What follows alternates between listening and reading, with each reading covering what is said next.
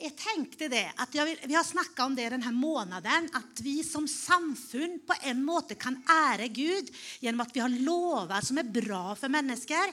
Vi som kirke kan ære Gud gjennom å gjøre ting som er bra, som er rett, som er riktig. Og det er sånn, Moral er ikke noe negativt, men moral eller et visst sett av regler en væremåte, det beskytter oss som mennesker. Beskytter et samfunn. Det er alltid konsekvenser av å bryte lover og regler. Så vi har snakka litt om det å ære Gud som samfunn, som kirke, og i dag har vi kommet til individet. Og hvem er det? Det er du. Vi har kommet til hvordan du som menneske kan ære Gud. Så i dag skal du få lov de her 30 minuttene å tenke på deg selv. Du skal være skikkelig egoistisk og tenke på deg sjøl. Det var bra. Og da, liksom, Hvordan kan vi fullføre det her livet? Hvordan kan vi fullføre det her løpet? Og En metafor som jeg skal bruke i dag, det er kappa. Det er derfor jeg har tatt på meg denne kappa her. Jeg har liksom en kappa, en jakke på meg. Men metaforen i dag det er hvordan du med din personlighet, med din væremåte, med ditt sett å være, med deg som menneske, hvordan kan du få fullføre ditt liv og gjøre det som du skal, med de gavene, med den talentene, med den væremåten, med den tenkemåten som du har. For som Erlend leste, så er vi underfullt skapt i mors liv. Redan før en dag kom, så var det noen som har sammenvevd oss så vidunderlig skjønt og laga det slik at du ble du. Du er ikke en tilfeldighet, men du ble du. Og altså, Det er jo artig å se på hverandre. Vi er så ulike på utsida. Du har fått et eget DNA. Det er ingen som er som du. Men jeg syns det er interessant å tenke på ikke bare utsida, men på samme måte så er vår innside, vår tankemåte, vår væremåte Vi er så ulike. Vi tenker så ulikt.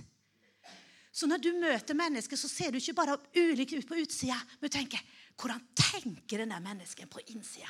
Hva er det som, hva er det som, som, hvordan er den finurlige hjernen den skapt? Vi Er, for det, Du merker det når du kolliderer med andre mennesker. så merker du, Men i alle dager, bare tenk så. Nå Den 16. mars kommer Thomas Eriksen til Molde. og Han kommer fra et foredrag om 'Jeg er omgitt av idioter'.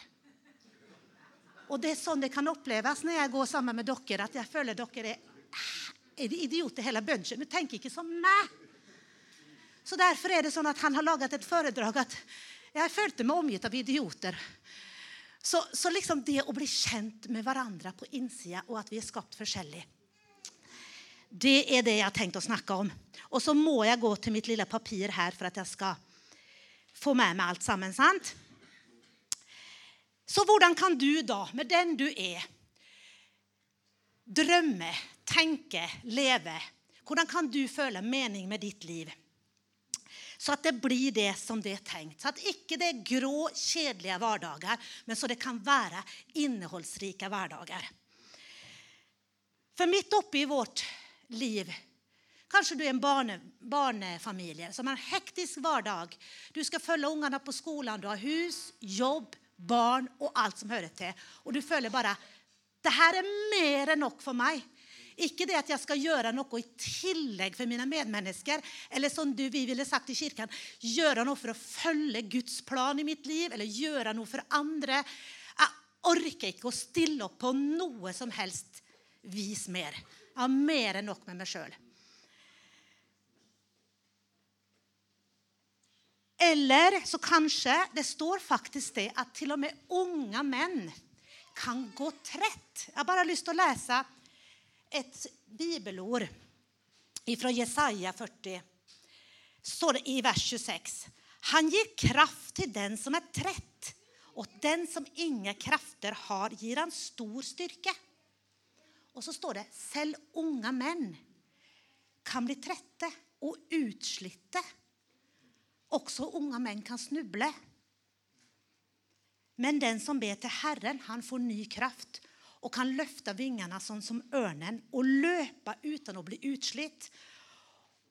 Går de går og blir ikke trette. Her sier Bibelen at det faktisk går an å bli trett. Og Det står også at unge menn kan bli trøtte og snuble, bli helt utslitt. Og vet du, når jeg leste det, så tenkte jeg bare hva er problemet vi har hørt i løpet av jul og nyttår? Unge menn i dette landet som tar sitt eget liv pga. at de er trøtte og utslitte. Jeg bare tenkte Guds ord har noe å si for alt. Det er sånn man opplever det når man leser. Wow, du sier noe om alt. Unge menn kan faktisk bli trette og utslitte. Småbarnsmødre kan bli trette og utslitte. Ja, til og med de som er 50 pluss og i overgangsalderen, kan bli trette og utslitte når hormonene får i alle værstrekk. Vet du hva? Dette livet er sånn. Jeg kan si det i kirka, sant? for det her livet møter oss. Og vi lever faktisk virkelige liv. Og midt i dette virkelige livet så skal vi få bære vårt liv med verdighet og med, reisning og med en stolthet. Og vi skal få fullføre det du var evna til og skapt til. Det som trigger deg, det som gjør at du brenner for noe. Det som gjør at du har en lidenskap for noe.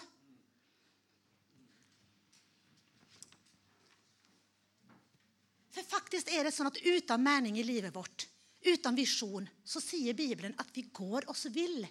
Blir, det blir kjedelig. Det blir tøyesløst. Du begynner å finne på andre ting, for livet er så kjedelig. Uh, jeg skiter i det her. Liksom, du må ha en mening, du må ha en visjon, du må ha noe å springe etter. Da blir livet meningsfylt. Jeg kan bare si det med mitt liv. Hvis jeg ikke veit hva dagen bringer, og jeg bare møter en dag uten noe innhold, jeg blir rastløs. Jeg syns det er kjedelig. Men så fort jeg vet at wow, det her skal du gjøre i dag Det kan være en liten ting.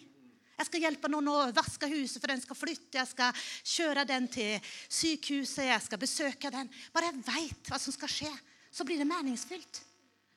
Det sier Bibelen at vi skal ha meningsfylte dager.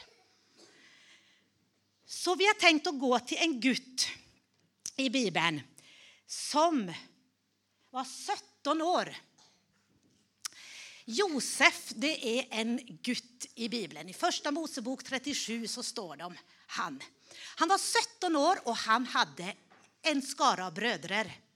Men faren hadde fått Josef med sin Han hadde flere koner, den her, men, ja, typen her.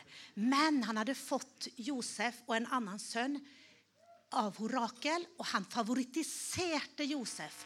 Han elsket Josef. Han var eldre, gammel av dager når han fikk Josef, så han satte veldig pris på det her barnet. For når vi blir eldre, så ser vi virkelig verdien i de her ungene. sant? Så han favorittiserte Josef. Og så var skikken den at han skulle gi kappa til noen. Han gav den til Josef. Og vet du hva? Det var en førsgjort kappa. Det var en skjortel. Den var faktisk distinkt, står det. Den var sånn at man la merke til den. En langerma, flott kappa. Og de andre brødrene så at faren elsket han mer enn de andre. Og de la han for hat og kunne ikke si et vennlig ord til han. Og så hadde Josef en drøm som han fortalte brødrene sine. Og da begynte de å hate han enda mer. Kan dere tenke dere at mine søstre, pga. at mora mi likte meg så godt for jeg var den siste Jeg var jo et sånt, hva heter det på norsk? Attpåklatt. På svensk sladdbarn. Sladdledning, som kommer litt etter. En attpåklatt.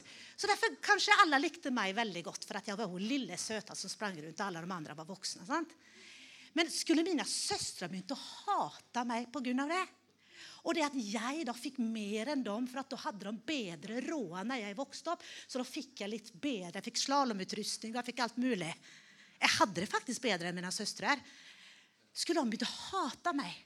Nei, det lå noe annet her. Det lå også noe åndelig, eller noe sånn der misunnelse, kan vi kalle det. Misunnelse. Så det som skjedde, da, det var at han fikk en skjortel. Og etter det at han fikk skjorten, da fikk han en autoritet. Han fikk en oppgave. Det er som om du hadde fått på jobben en stilling, en, en, en forfremmelse. Da får du en autoritet.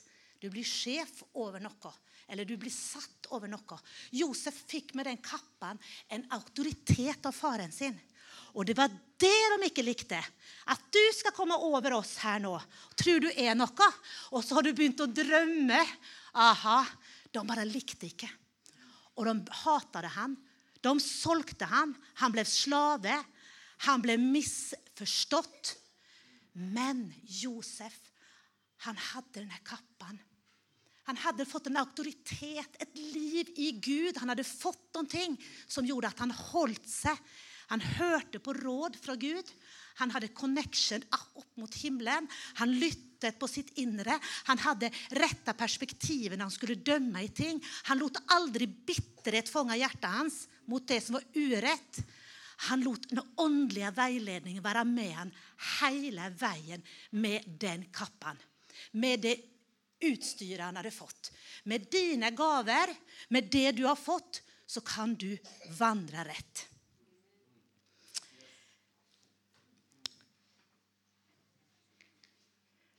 Så på en måte så ble Gud hans personlige veileder og hjelper gjennom alle prøvelser. For etter at han fått kappen, så begynte han å få drømmer og visjoner. Etter han hadde fått tak i det Gud hadde for ham, når han hadde fått tak i det Gud hadde for ham, og sett det, eller da begynte han å se. Sånn var det med mitt liv. Jeg var ikke en kristen. Men når jeg ble det, så plutselig så bare så er det gått sånn og så bare så, tenkte jeg Fins Gud? Nei, nei, fins Gud. Og så åpnet jeg øynene ja, og trodde på han og tenkte Wow! Jeg så en hel verden. Og jeg begynte faktisk å drømme om hva jeg skulle gjøre og bli. Og Gud talte til meg veldig tidlig på ulike ting som skulle skje. Og akkurat sånn var det med Josef. Når han fikk kappen, så var det som at han så, og drømmene og visjonene snakka han ut og han ble forfulgt av det. Men han fikk være med til slutt og befri og redde både sitt eget folk og nasjon. Så noe skjer i det at man tar på seg og ser hva Gud har tenkt med ditt og mitt liv.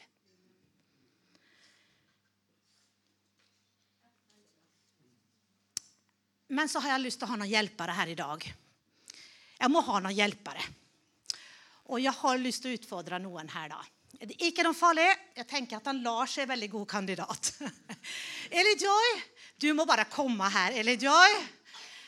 Og så har vi hun Torunn, vakre Torunn. Og så må vi ha en eh, kar til. Nå skal vi si her, da. Johannes. Ja, Johannes, kom du. Nå er det sånn at jeg da har tatt med meg Jeg har da tatt med meg kapper, da. Eh, og Lars, han skal få denne kappen her. Den syns jeg var litt sånn grei. Johannes, vær så god.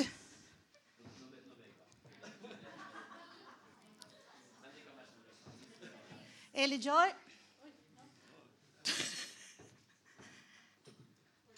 Og så har vi Oi, den var tung, sier Eli Joy. Hun sa akkurat det som var riktig. Den er blytung Hæ? Hæ? Visste du Jeg Ta av den. Vi har en bedre. Nei, nei, nei. Vi har 80-talls rød skinnjakke. Den er helt hot. Den selges etterpå. Nei da. Erlends røde jakke fra 80-tallet. Se hvor tøff han Erlend var, vet du. Men her ser dere, da. Nå har dere de fått sine kapper. Sine kapper. Føles det bekvemt, Eli Joy? Det var ganske tung og ubehagelig å ha den på. Springer du ikke lett med den her i livet nå? Kjenn nå, nå skal du gå sånn 50 år framover. Ja, det tror jeg blir sliten av. Ja. Den er blytung. Harley Davidson, blytung jakke. altså. Selges også etterpå. For den har ikke jeg lyst til å ha. Den er sikkert verdt mye. Den selger jeg virkelig. For... Men eh, Lars, du ser jo fantastisk Eh, syns du det? Jeg er litt usikker. Eh, Hvordan kjennes det? Det her er jo det her er du, Torunn. A blast from the past. Blast from the past. OK, du var altså sånn. Eh, Nei. Og du, da? Du er jo som Å, se hvor fint, da, vet du. Men du ser litt feminin ut i den der. Ja, det gjør, de gjør nok det. Men Ja, hvis du hadde den sånn, men altså, det her er på. Det her er oh, tenkt nei. å være sånn, jeg, vet jeg du. tenkte jeg skulle, jeg tenkte skulle ha Jeg tror at dere kjenner dere litt ubehagelig i de, den kappen dere har fått her nå. Så jeg tror bare at liksom rett og slett dere to bytter, og dere to bytter. Så får vi se, da. Det er ikke sånn at når vi har fått et, en visst eh, en visst utstyr, en viss begavelse, en viss personlighet, så har Gud tenkt å latterliggjøre oss og si at Se hvor morsom du er når du er sånn som du er. Det er ikke sånn Gud har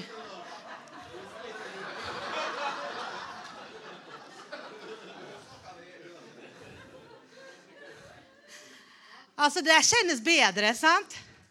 Ja, ja, ja, ja. ja. Altså, det, den kåpa eller den kappa, den, den personligheten, i gavene vi har fått for å vandre i, i vårt liv Det er ikke sånn at Gud har gjort noe latterliggjort oss. Ha. Han har ikke latterliggjort oss, han har gjort det perfekt. Han har gitt oss den perfekte drakten for at vi skal få vandre i den. Og det er ikke one size heller. Gud har ikke gitt one size, en type kappa til oss alle sammen. Han har gitt oss en egen, utstyrt personlighet, visjoner, gaver, måte å være på. Og det er mye bedre når det liksom matcher. Jo, du ser skikkelig bra ut, Torunn. Og du, du ser både liksom tøff og eh, liksom, Du er litt on the edge, altså. Frampå, Johannes, i livet. Liksom ta et kliv, nye steg, innta ny mark. Friskt mot med rød kraft. Sant? Litt sånn eldig i håret, og liksom hele personligheten går i, i litt sånn Wow! Og du eller Joy har sikla på den der jakken lenge. Nei, men den er litt stor til deg, ser jeg. Så jeg tror den passer meg bedre. altså. Men, men jeg vet at du passer. Du, du vil ha den. Jeg, men den er for stor til det, dessverre. Ellers hadde du gjerne fått den av meg. Men, men den klær henne, og det var derfor jeg tok fram henne. For det visste jeg jo da. Og du, du er litt ny. Ja. Men du er litt ny i stilen, eh, eh, skjønner du? Og det, det, det er akkurat det jeg skulle si nå, vet du. Ni hjelper meg. Altså, han, Lars han har gått i sin klassiske klednad hele livet. Og nå er han 55 år, og det er på tide å utbre, liksom, ta nye steg ut i nye områder. Utvide teltpluggene, spenne ut, liksom. Gå videre og bli det du er kalt til. Det er ikke noe puslete, det. Det er noe sånn der skikkelig hardbarka. Så jeg tenker det, Lars, at det var, ikke, det var litt sånn riktig at du skulle få på deg den der i dag. For du skjønner, det er akkurat det som er. Vi kan bli så satt i de klærne, og det kan bli så trygt og godt. Men det er noe med å ta nye steg. Det står at vi skal utbre oss. Vi skal spenne ut teltpluggene. Vi skal på en måte videre. Og så er det sånn at det kan være en skjortel eller en jakke for en viss tid. Så det er lett at vi går i den hele tida. Det var en annen som vi har snakka om i dag, som fikk en skjortel. Og det var en Samuel. Han fikk en skjortel når han var liten. Men mora fornya skjortelen hvert år etter hvert som han ble større. Og det er ikke sånn at du har gått 50 år i kirka og er på samme stedet, eller at vi går i samme bane hele tida. Vi må vokse i vårt liv, i vår personlighet. Ta nye steg, vokse i det som vi har foran oss. Vi må fullføre vårt løp. Og det handler om å ta nye steg. Ikke være satt trygt, trygt i vår båt. Vi er altfor trygge. Vi går ikke utover komfortsonen vår. Men det kan vi få lov til å gjøre gjennom å ta på oss en rød jakke en dag og gå ut av komfortsonen vår. Eller som Lars. Jeg ser det her er veldig, veldig bra. Tusen takk. Vi kan få legge kåpene her. Gi dem en kjempeapplaus.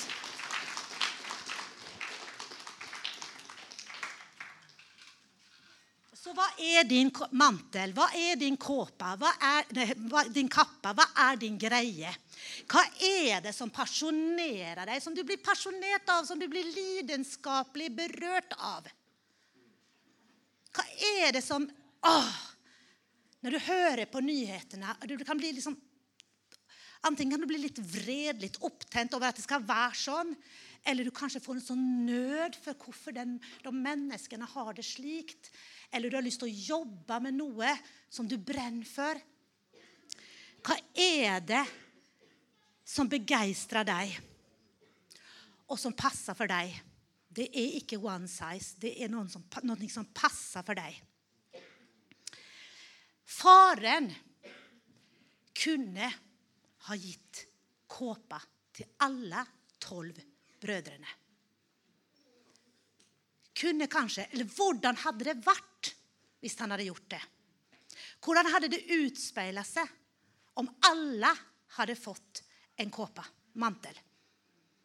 Josef begynte å drømme og fikk visjoner og ble ført rett inn i alt det han skulle gjøre. Hva skjedde med brødrene? Hva hadde skjedd hvis faren hadde gjort det? Nå var, det, var det ikke sånn, men han hadde skjønt prinsippet, denne faren. At han skulle overrekke kappa til en, og han skulle da gå ut i det som var hans løp.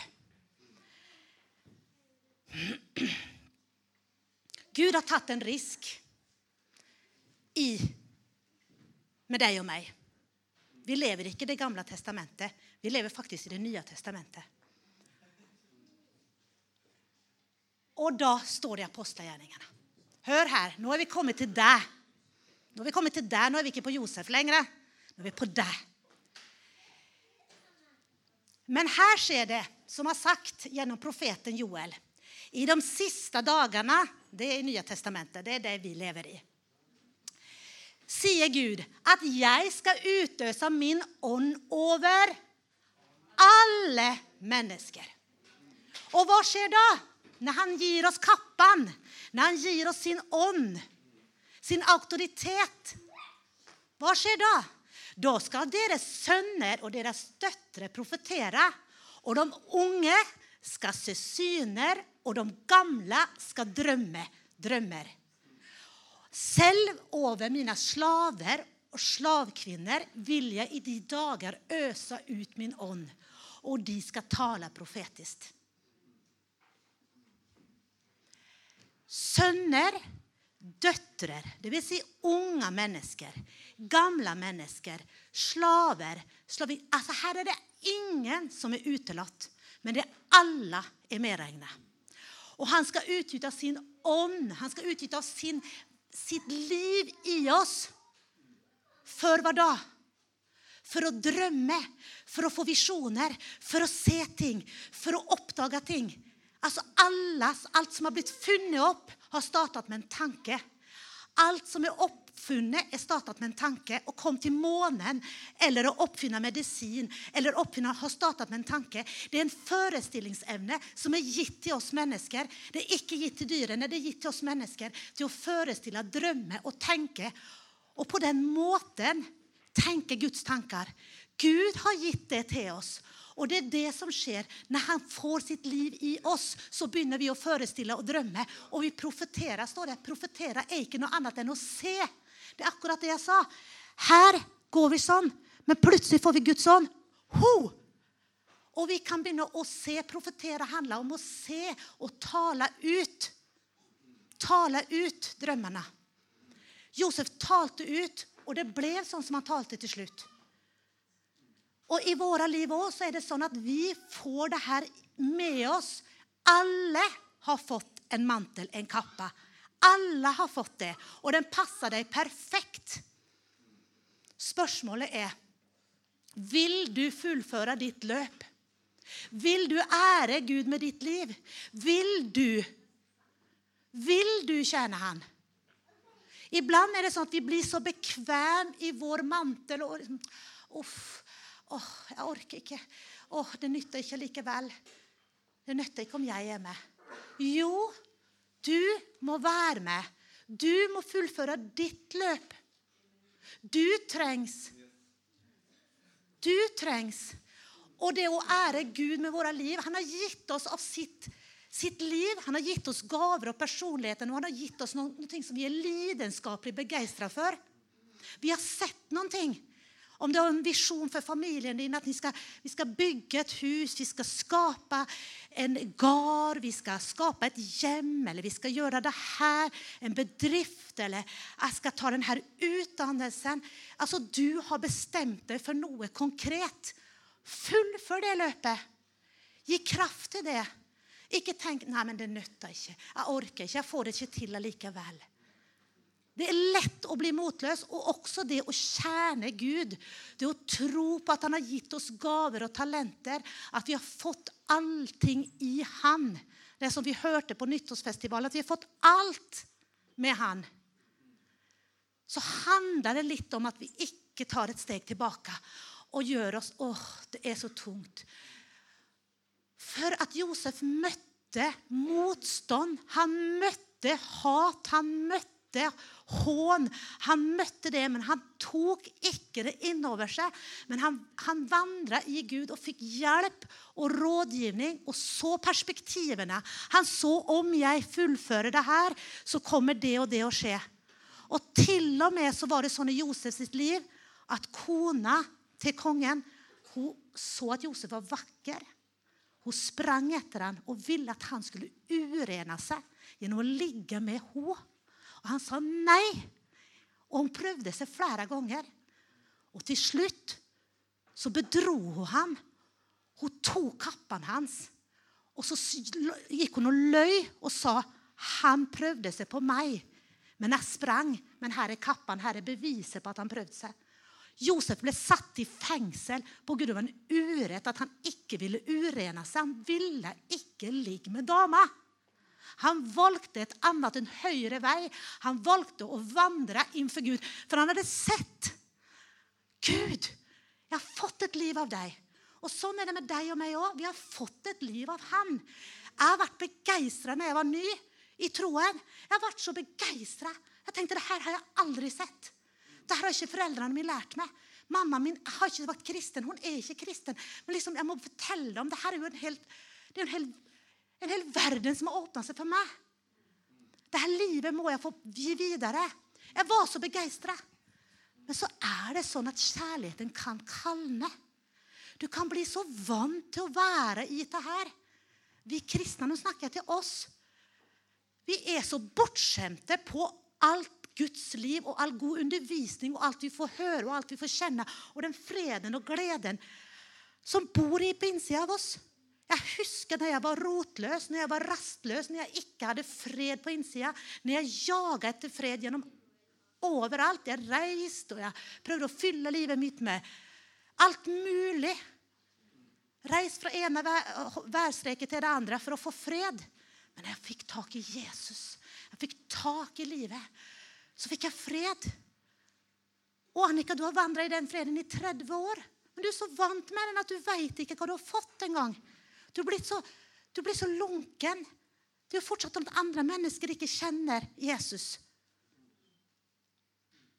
Og du sjøl har fått den kappen, den utrustningen, den gaven til å bringe dette, eller til å være den du er kalt til å være, og ville fullføre løpet ditt vil ha fullføre kallet. Det er så mye som ligger der framme som vi kan få tak i. Men vi måtte være villige. Jeg ønsker å si til denne kirka kan ikke vi være villige til å la det lyset og det Jesuslivet komme fram? Det verste som fins, det er om vi er en menighet som kjører denne kirka som en bil. Og vi sitter der ved rattet. Og vi sover omtrent. Vi snakker rett. Vi sier de rette ordene, men inni oss så sover vi. Altså På en måte så har vi ikke livet til å gi det videre. Vi liksom søv, vi har sløvna til litt. Og Vi har de rette ordene, men vi sitter der. Det som, som Våkne opp, få tak i den første kjærlighet. Lytt hva som Josef, får se, hør, reager rett. Fullfør det som ligger foran deg. For når du har fått denne autoriteten, denne kappen, alle gaver, hele verktøyskassen Alt har du fått. Guds ånd er på innsida av deg. Så har du alt som trengs.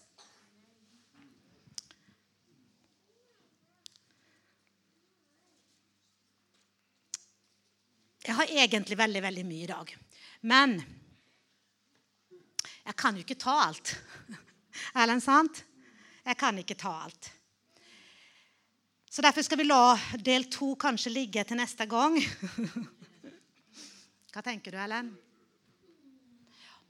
For det er sånn at Samuel, en annen profet som Ellen nevnte her, han som Hanna fikk et barn som heter Samuel, og han måtte bo i tempelet. Det står i Samuels tid at det var sjeldent å høre Det var sjeldent at man hørte Gud på den tida. Og det føler jeg i denne tida vi lever i. Det er litt sjeldent at man hører og ser hva Gud gjør. og får syr. Altså Folk utenfra Det er sjeldent, det her med Gud. Ja, det var det i den tida òg. Og så står det på dette tidspunktet kjente ikke Samuel Herren, for han hadde ennå ikke opplevd at Herrens ord hadde blitt åpenbart. Han hadde ennå ikke sett. Han hadde ikke opplevd. Og det er mange rundt oss som ikke har opplevd, som ikke har sett. Og så er historien, den kan jo noen av dere, at han ble vekt, vekt, og til slutt så står det Når han ble vekt for tredje gang, så skjønte han at det var ikke et menneske som ropte på han. Det var ikke hans presten Eli, han som han vokste opp sammen med. Men det var faktisk Gud som kalte på han. Gud kaller på mennesker. Men vet du hva? iblant så er det som vi ikke hører at det er Gud. Vi tror det er når Gud sier ting til oss. For han taler faktisk. Vi får, noen kaller det for intuisjon. Men når vi er fylt av Gud sånn, så er det Gud han taler. Vi kan forestille oss, vi kan tenke tanker. Det er så naturlig. Det er ikke noe svermerisk å være en kristen eller ha åndelige opplevelser. Det er helt naturlig. Og det er så naturlig som Samuel opplevde her, at han ikke skjelna om det var mennesket som ropte han eller om det var Gud. Det var så, Er det du, Gud, eller er det jeg? Iblant så får jeg en innskytelse. Er det, er sikkert bare jeg som tenker sånn? Vet du hva? Hvor ofte tror vi Gud taler til oss? Er det aldri? Er det sjelden? Eller er det ofte? Hva tror vi? Vet du hva? En hjerneforsker sier at hvert tolvte sekund så tenker vi en tanke opp til Gud. Hvert tolvte sekund, sier hun. Og vet du hva? Hvis vi tror det, så kan vi tenke at men nå er jeg fylt av Guds ånd. Nå har jeg hans kappe og hans liv på meg. Og da tenker jeg Guds tanker. Så lenge jeg ikke skeier ut og tenker bare at det er for meg. Men hvis jeg går og er genuint opptatt av at ting skal være bra, så det jeg føler når jeg møter noen, det kanskje er at jeg skal gi noe, en tanke som er fra Gud, en oppmuntring. Jeg kjenner på at det her er ikke rett. Men da går jeg på det at det her er ikke riktig. Altså Jeg tør å tenke, jeg tør å kjenne, jeg tør å tenke de tankene. At det her er faktisk Guds tanker. Men de er vanskelig å skjelne. Men vi skal kunne gjøre det. Det er veldig naturlig. Gud kommuniserer ikke på en unaturlig måte med oss. Han kommuniserer sånn at vi forstår. Så at det er naturlig for oss. Derfor er det så likt. For han gjør ikke noe som er helt spektakulært, og du må liksom være noe helt annet enn den du er. Men han gjør det akkurat slik at det passer deg. Derfor er det også vanskelig. Men så sier Guds ord at vi skal oppøve denne urskilningen. At vi skal øve oss. Men ta Jeg tror det er du. Og så bruker du verktøyet. OK.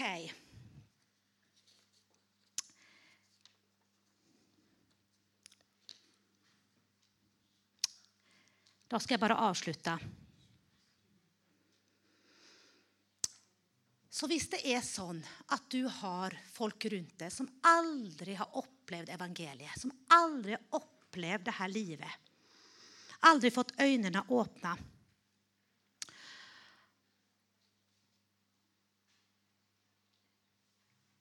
Så kan du få lov å si noe om det her livet, denne troa. For for meg var det sånn at jeg hadde en venninne som hadde opplevd det. Og hadde, jeg merka at hun hadde noe på innsida. Det var noe med henne. Vi hadde jo vært bestevenner alle år. Så går hun og blir en kristen. Og jeg merker det med en gang. Du er der, og jeg er her. Jeg var den som tok avstand. Hun tok ikke avstand fra meg, men jeg sa du er der, og jeg er her. Men vet du hva? det var noe som smitta over for det hun hadde. Hun sa liksom men Annika, det er noe jeg har fått tak på. Og jeg var jo lengtende og hungrig og tørstig, og jeg leta jo overalt etter liksom fred. Og jeg hadde ikke noen store problemer. Det var bare sånn vanlig rastløshet. Prøve å fylle med all slags ting rundt meg. Med gutter, musikk og fest og reiser og dødt, mer av ting og mer av ting. Helt vanlige ting. Men det var en djup lengsel etter å se evangeliet. Få tak i det. Og Det står om evangeliet at det er et mysterium. Og det her vil jeg avslutte med. Ordet mysterium er et gresk verb. Og det betyr å lukke øynene. Og det er sånn med evangeliet. Det kan man ikke se med åpne øyne. Jeg kan ikke vise deg her er evangeliet. Se her er evangeliet. Se her. Jeg kan vise det gjennom å vise gode gjerninger eller se godhet. Det smil og godhet det kan komme fra et menneske, så du kan se at den her kanskje har noe med Gud å gjøre. Men jeg kan ikke vise deg evangeliet, for det er et mysterium. Det betyr lukkede øyne. Det betyr at jeg kan se evangeliet når jeg lukker mine øyne, eller når jeg ser på innsida når jeg responderer på innsida på evangeliet. Når jeg bestemmer meg for ok, jeg kan ikke forstå det, jeg kan ikke skjønne det, jeg kan ikke forstå, men jeg merker at det er noe i det her med evangeliet. Og vet du hva? Du kan bare se det med dine indre øyne. Det er bare det at det må åpenbares. Du må få den kappen, den autoriteten, den manten. Man kan ikke bli frelst av seg sjøl gjennom gode gjerninger. Man kan ikke gjøre ting. Man kan bare ta imot man kan bare respondere på mysteriet og si jeg forstår det ikke, men jeg lukker mine øyne, og jeg tar imot det som jeg kjenner på innsida. Jeg kjenner at det er godt. Jeg kjenner at det er riktig. Jesus, hvis du finnes, så bare tar jeg imot deg. Hvis det er så enkelt at du har lovt et liv til meg i det her. Så det, evangeliets mysterium det er å se noe på innsida. Vi kan ikke se det på utsida, men vi kan lukke våre øyne og så kan vi føle vet du hva? Gud, nå fyller du meg. Så la oss lukke våre øyne, så skal jeg bare be en bønn helt til slutt. Jeg bare takker deg, Herre, for evangeliets mysterium, Herre. Takker deg for at dette er ting vi ikke forstår menneskelig sett. Vi kan ikke forklare det, men det må erfares. Og det kan erfares av at vi lukker våre øyne, Jesus, og kjenner på innsida at du er god, og at vi tør å gi deg rommet. At vi tror i våre hjerter på at du, Jesus, er virkelig. Og at du har et liv, et åndelig liv for oss. Ikke bare et fysisk liv, ikke bare et sjælighetsliv, men at du kan tenne våre hjertes, våre hjertes øyne, våre lamper på innsida, slik at vi ser det skinnet som utgår ifra deg, Herre. Jeg bare takker deg for at du hjelper oss, Jesus, og på nytt alle sammen bare på nytt se deg, Jesus. Se den kjærlighet og den freden og den gleden du har til hver enkelt av oss, Herre. Jeg bare ber nå, Jesus, at når vi tar imot deg, så er det et tegn at vi får freden og gleden på innsida, Herre. At vi kjenner at vi har rett. Vi står rett overfor deg. Vi har ingenting å skamme oss for. Vi er bare helt rett med deg. Og vi får den autoriteten, den kappen, det rette instrumentene på innsida til å vandre i livet vårt. Takk for at du har gitt oss en personlighet, takk at du har gitt oss livet i gave, Herre. Men så ønsker vi å fullføre vårt løp. Vi ønsker å vandre med deg, Jesus. Og Derfor tenker vi at vi trenger verktøyet, at du guider oss, at du veileder oss på innsida, slik at vi i alle valg ikke tar et steg tilbake og blir sittende i kjedelige, mørke liv, men at vi får vandre og fullføre vårt løp inn i alt det rom du har for oss, Herre. Og jeg takker for hver enkelte som er her i dag, Herre. At vi skal få lov å vandre med deg og få første kjærligheten tilbake, Herre. At vi får styre vår bil med åpne øyne, med liv og vitalitet inn i livet vårt. At vi får kjenne at du er med oss, Herre. Og vi får syner og drømmer, og at vi ser og får det åpenbart for oss hvem du er, Herre. Og jeg takker deg hvis det er noen her for første gang som ønsker å si jeg vil ha åpnede øyne så jeg ser. Så gjør du et under i hver enkelt, sånn som du har gjort i meg, Herre. Sånn som du har gjort i så mange, Herre. Så åpner du våre øyne så vi ser mer enn bare det fysiske livet. Men også få se det åndelige livet, Herre. Vi takker deg for hver enkelt og takker deg for denne dagen Herre, og denne stunden, Jesus. Amen. Amen.